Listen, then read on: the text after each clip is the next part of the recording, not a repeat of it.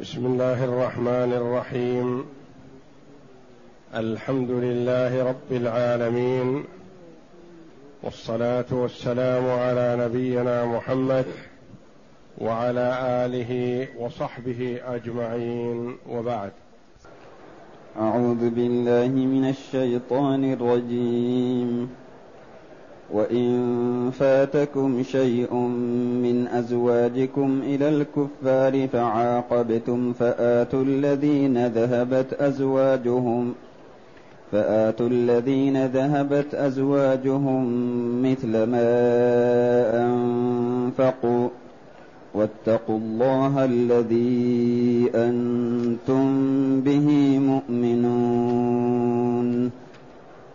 هذه الآية الكريمة من سورة الممتحنة جاءت بعد قوله جل وعلا يا أيها الذين آمنوا إذا جاءكم المؤمنات مهاجرات فامتحنوهن الله أعلم بإيمانهن فإن علمتموهن مؤمنات فلا ترجعوهن إلى الكفار.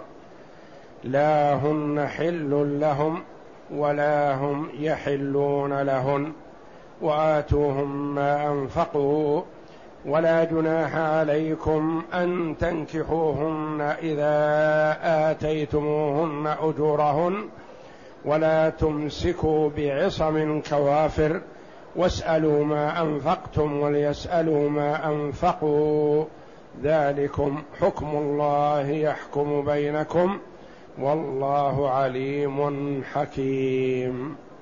وإن فاتكم شيء من أزواجكم إلى الكفار فعاقبتم. فآتوا الذين ذهبت أزواجهم مثل ما أنفقوا. هذه الآية الكريمة جاءت بعد خطابه جل وعلا للمؤمنين. بخصوص المؤمنات المهاجرات الهاربات من أزواجهن الكفار. إلى النبي صلى الله عليه وسلم. وتقدم لنا أن النبي صلى الله عليه وسلم صالح كفار قريش ينوب عنهم سهيل بن عمرو في الصلح المسمى بصلح الحديبية في السنة السادسة من الهجرة لما جاء النبي صلى الله عليه وسلم للعمرة فصده كفار قريش ومنعوه من الدخول إلى مكة فامتنع عليه الصلاة والسلام تعظيما لبيت الله الحرام من أن يسفك فيه دم. وإلا فالصحابة رضي الله عنهم حرصوا على الدخول إلى مكة حتى وإن كان بقتال لأنهم موقنون إن قتلوا فهم شهداء عند ربهم يرزقون. وإن انتصروا فلهم الأجر عند الله جل وعلا والغنيمة في الدنيا. لكن الرسول صلى الله عليه وسلم ما رأى أن يدخلها عنوة بالقوة. فاصطلح مع كفار قريش على أن يعود هذه السنة إلى المدينة بدون عمرة. ويتحللون في الحديبيه ويعود من السنة القادمة في السنة السابعة وعلى أن من جاء من كفار قريش مسلما يرد إلى بلده. ومن خرج من أصحاب محمد مرتدا لا تعيدونه كفار قريش لا يرجعونه. بقي موضوع النساء الله جل وعلا استثناهن فأمر بإيوائهن وإعطاء أزواجهن الكفار المهور التي دفعوهن دفعوها لهن. وذلك أنه كان هناك صلح بينهم وإلا لو لم يكن الصلح فلا يعطى زوج الكافرة زوج الزوج الكافر إذا هربت منه المؤمنة لا يعطى شيئا. لكن بناء على الصلح أمر الله جل وعلا بأن يعطوا ما أنفقوه.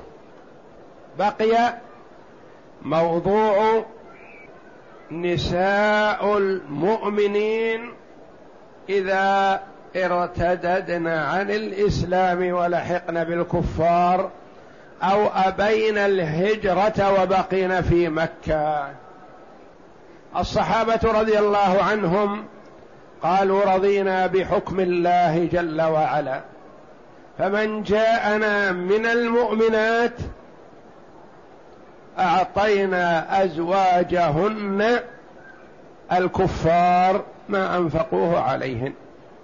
ونحن من حقنا أن نطلب ما أنفقنا على زوجاتنا التي اللاتي أبين الهجرة أو ارتددن عن الإسلام. فرضي المؤمنون بحكم الله وأعطوا ما يجب عليهم.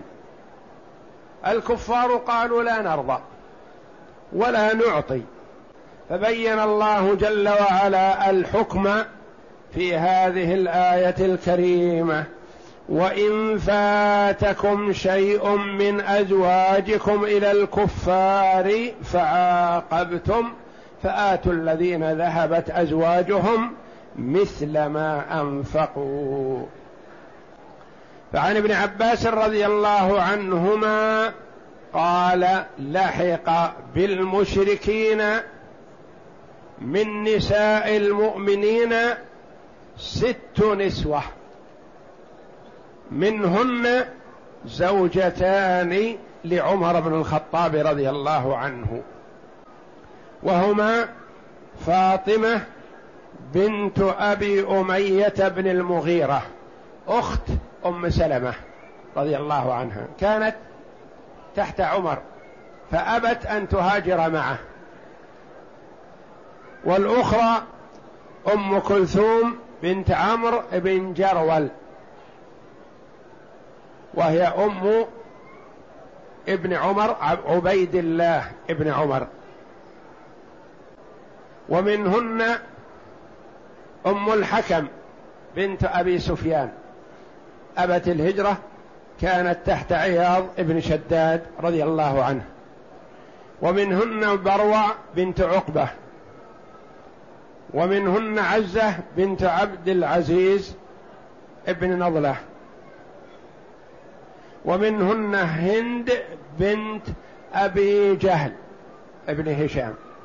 هذه ست رجعن وأبين أن يهاجرن مع أزواجهن فارتددن على الإسلام. فطلب المسلمون من الكفار ما تضمنته الآية السابقة. فأبوا. الكفار لا يخضعون لحكم الله. فبين الله جل وعلا الحكم في هؤلاء. فقال وإن فاتكم شيء من أزواجكم إلى الكفار يعني هربت أو ارتدت أو لحقت بالكفار زوجة المؤمن. فكيف المؤمن يدفع للكافر مهر زوجته التي آمنت. والكفار لا يدفعون للمؤمنين مهور أزواجهم اللاتي أبين أن يهاجرن. أنزل الله جل وعلا الحكم فقال وإن فاتكم شيء من أزواجكم إلى الكفار فعاقبتم فآتوا الذين ذهبت أزواجهم مثل ما أنفقوا. اختلف العلماء رحمهم الله فيما دلت عليه هذه الآية الكريمة. فقال بعضهم يقول الله جل وعلا المؤمنون الذين ارتدت ارتدت أزواجهم أعطوهم من المغنم الذي تغنمونه من الكفار. في غنايم كانت أعطوا المؤمنين حقهم عن أزواجهم اللاتي أبين أن يلحقن بهم. القول الآخر قالوا تضمنت الآية أن المؤمنين يجمعون نصيب الكفار مقابل أزواجهم اللاتي هاجرن ولا يعطونه إياهم وإنما يأخذون منه نصيب المؤمنين مقابل زوجاتهم اللاتي بقين في مكة. والزائد يدفعونه للكفار. إذا لم يدفع الكفار للمؤمنين مهور زوجاتهم التي أبين الهجرة يقول جل وعلا خذوه مما جمعتموه للكفار مقابل أزواجهم اللاتي هاجر.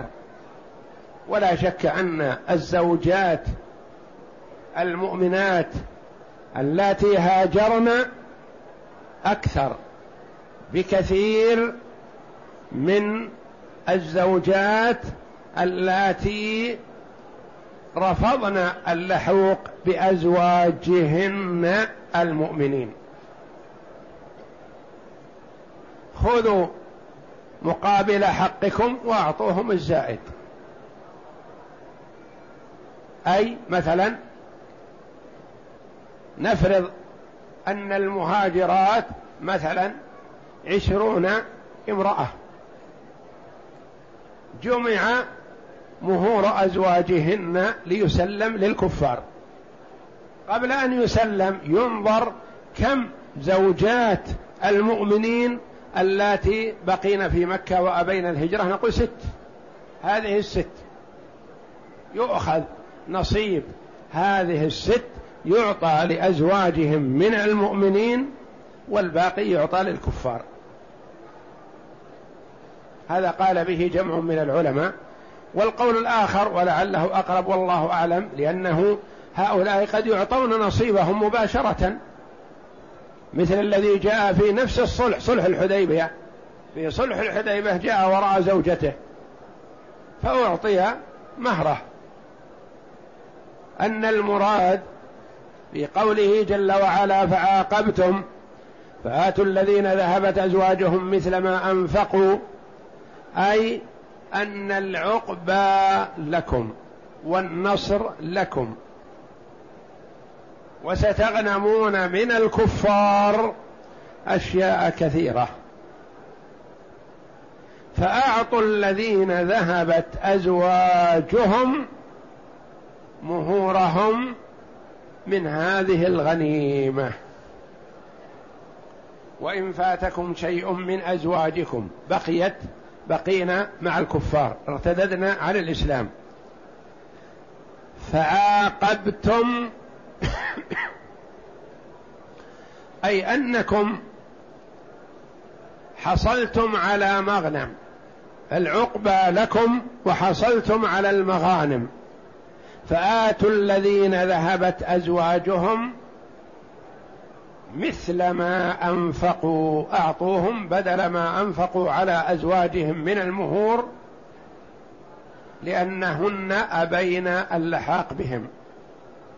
وكل هذا بعد الصلح وإلا قبل الصلح فما كان الكافر يعطى شيئا إذا امنت زوجته وخرجت.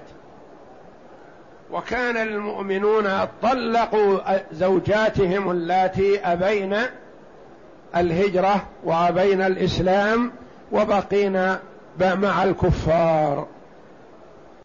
ثم هل هذه الآية والتي قبلها محكمة يعني باقية إلى أن يرث الله الأرض ومن عليها؟ أنه إذا حصل صلح بين المسلمين والكفار ثم إن امرأة من الكفار خرجت مؤمنة هل يعطى زوجها الكافر مهرها؟ المهر الذي دفعه لها؟ ويطالب الكفار المصطلح معهم بإعطاء المؤمن مهر زوجته التي دفعه لها وبقيت مع الكفار؟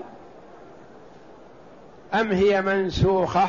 وإنما هذه في الصلح الذي جرى إلى حد فتح مكة. فلما فتحت مكة انتهى ونسخ مضمون هذه الآية قولان للعلماء رحمهم الله. والإحكام وعدم النسخ لعله أولى والله أعلم. والآية ما ظهر شيء ينسخها. فلو حصل صلح بين المسلمين والكفار فمن خرجت من الكفار إلى المؤمنين يعطى زوجها الكافر مهرها الذي دفعه لها. ومن ارتدت من المسلمين ولحقت بالكفار يؤخذ من الكفار بناء على الصلح الذي يكون بيننا وبينهم مهر تلك المرأة ويعطى لزوجها المؤمن. قوله وإن فاتكم شيء من أزواجكم إلى الكفار. قال فلو أنها ذهبت بعد هذه الآية امرأة من أزواج المؤمنين إلى المشركين. رد المؤمنون إلى زوجها النفقة النفقة الذي أنفق عليها من العقب الذي بأيديهم الذي أمروا أن يردوه على المشركين من نفقاتهم. يعني التي من المهور التي جمعوها ليردوها على المشركين يأخذوا منها نصيب المؤمن مقابل زوجته المرتدة. نعم. التي أنفقوا على أزواجهم اللاتي آمن وهاجرن ثم ردوا إلى المشركين فضلا إن كان بقي لهم. والعقب ما كان بقي من صداق نساء الكفار حين آمن وهاجرن وقال العوفي عن ابن عباس رضي الله عنهما في هذه الآية يعني إن لحقت امرأة رجل من المهاجرين بالكفار أمر له رسول الله صلى الله عليه وسلم أنه يعطي مثل ما أنفق من الغنيمة. وهكذا. القول الآخر. نعم. وهكذا قال مجاهد فعاقبتم أي أصبتم غنيمة من قريش أو غيرهم. من الكفار. نعم. فآتوا الذين ذهبت أزواجهم مثل ما أنفقوا يعني مهر مثلها. وهكذا قال مسروق وإبراهيم وقتادة ومقاتل والضحاك وسفيان بن حسين والزهري أيضا. وهذا اختاره الأكثر. نعم. وهذا لا ينافي الأول لأنه إن أمكن الأول فهو أولى فهو الأولى. يعني إن أمكن الأخذ من نصيب الكفار مقابل زوجاتهم يؤخذ للمؤمنين وإذا لم يتمكن من هذا فيعطى المؤمن من الغنيمة. نعم. وإلا فمن الغنائم اللاتي تؤخذ من أيدي الكفار وهذا أوسع وهو اختيار ابن جرير رحمه الله. والله أعلم وصلى الله وسلم وبارك على عبده ورسول نبينا محمد وعلى آله وصحبه أجمعين.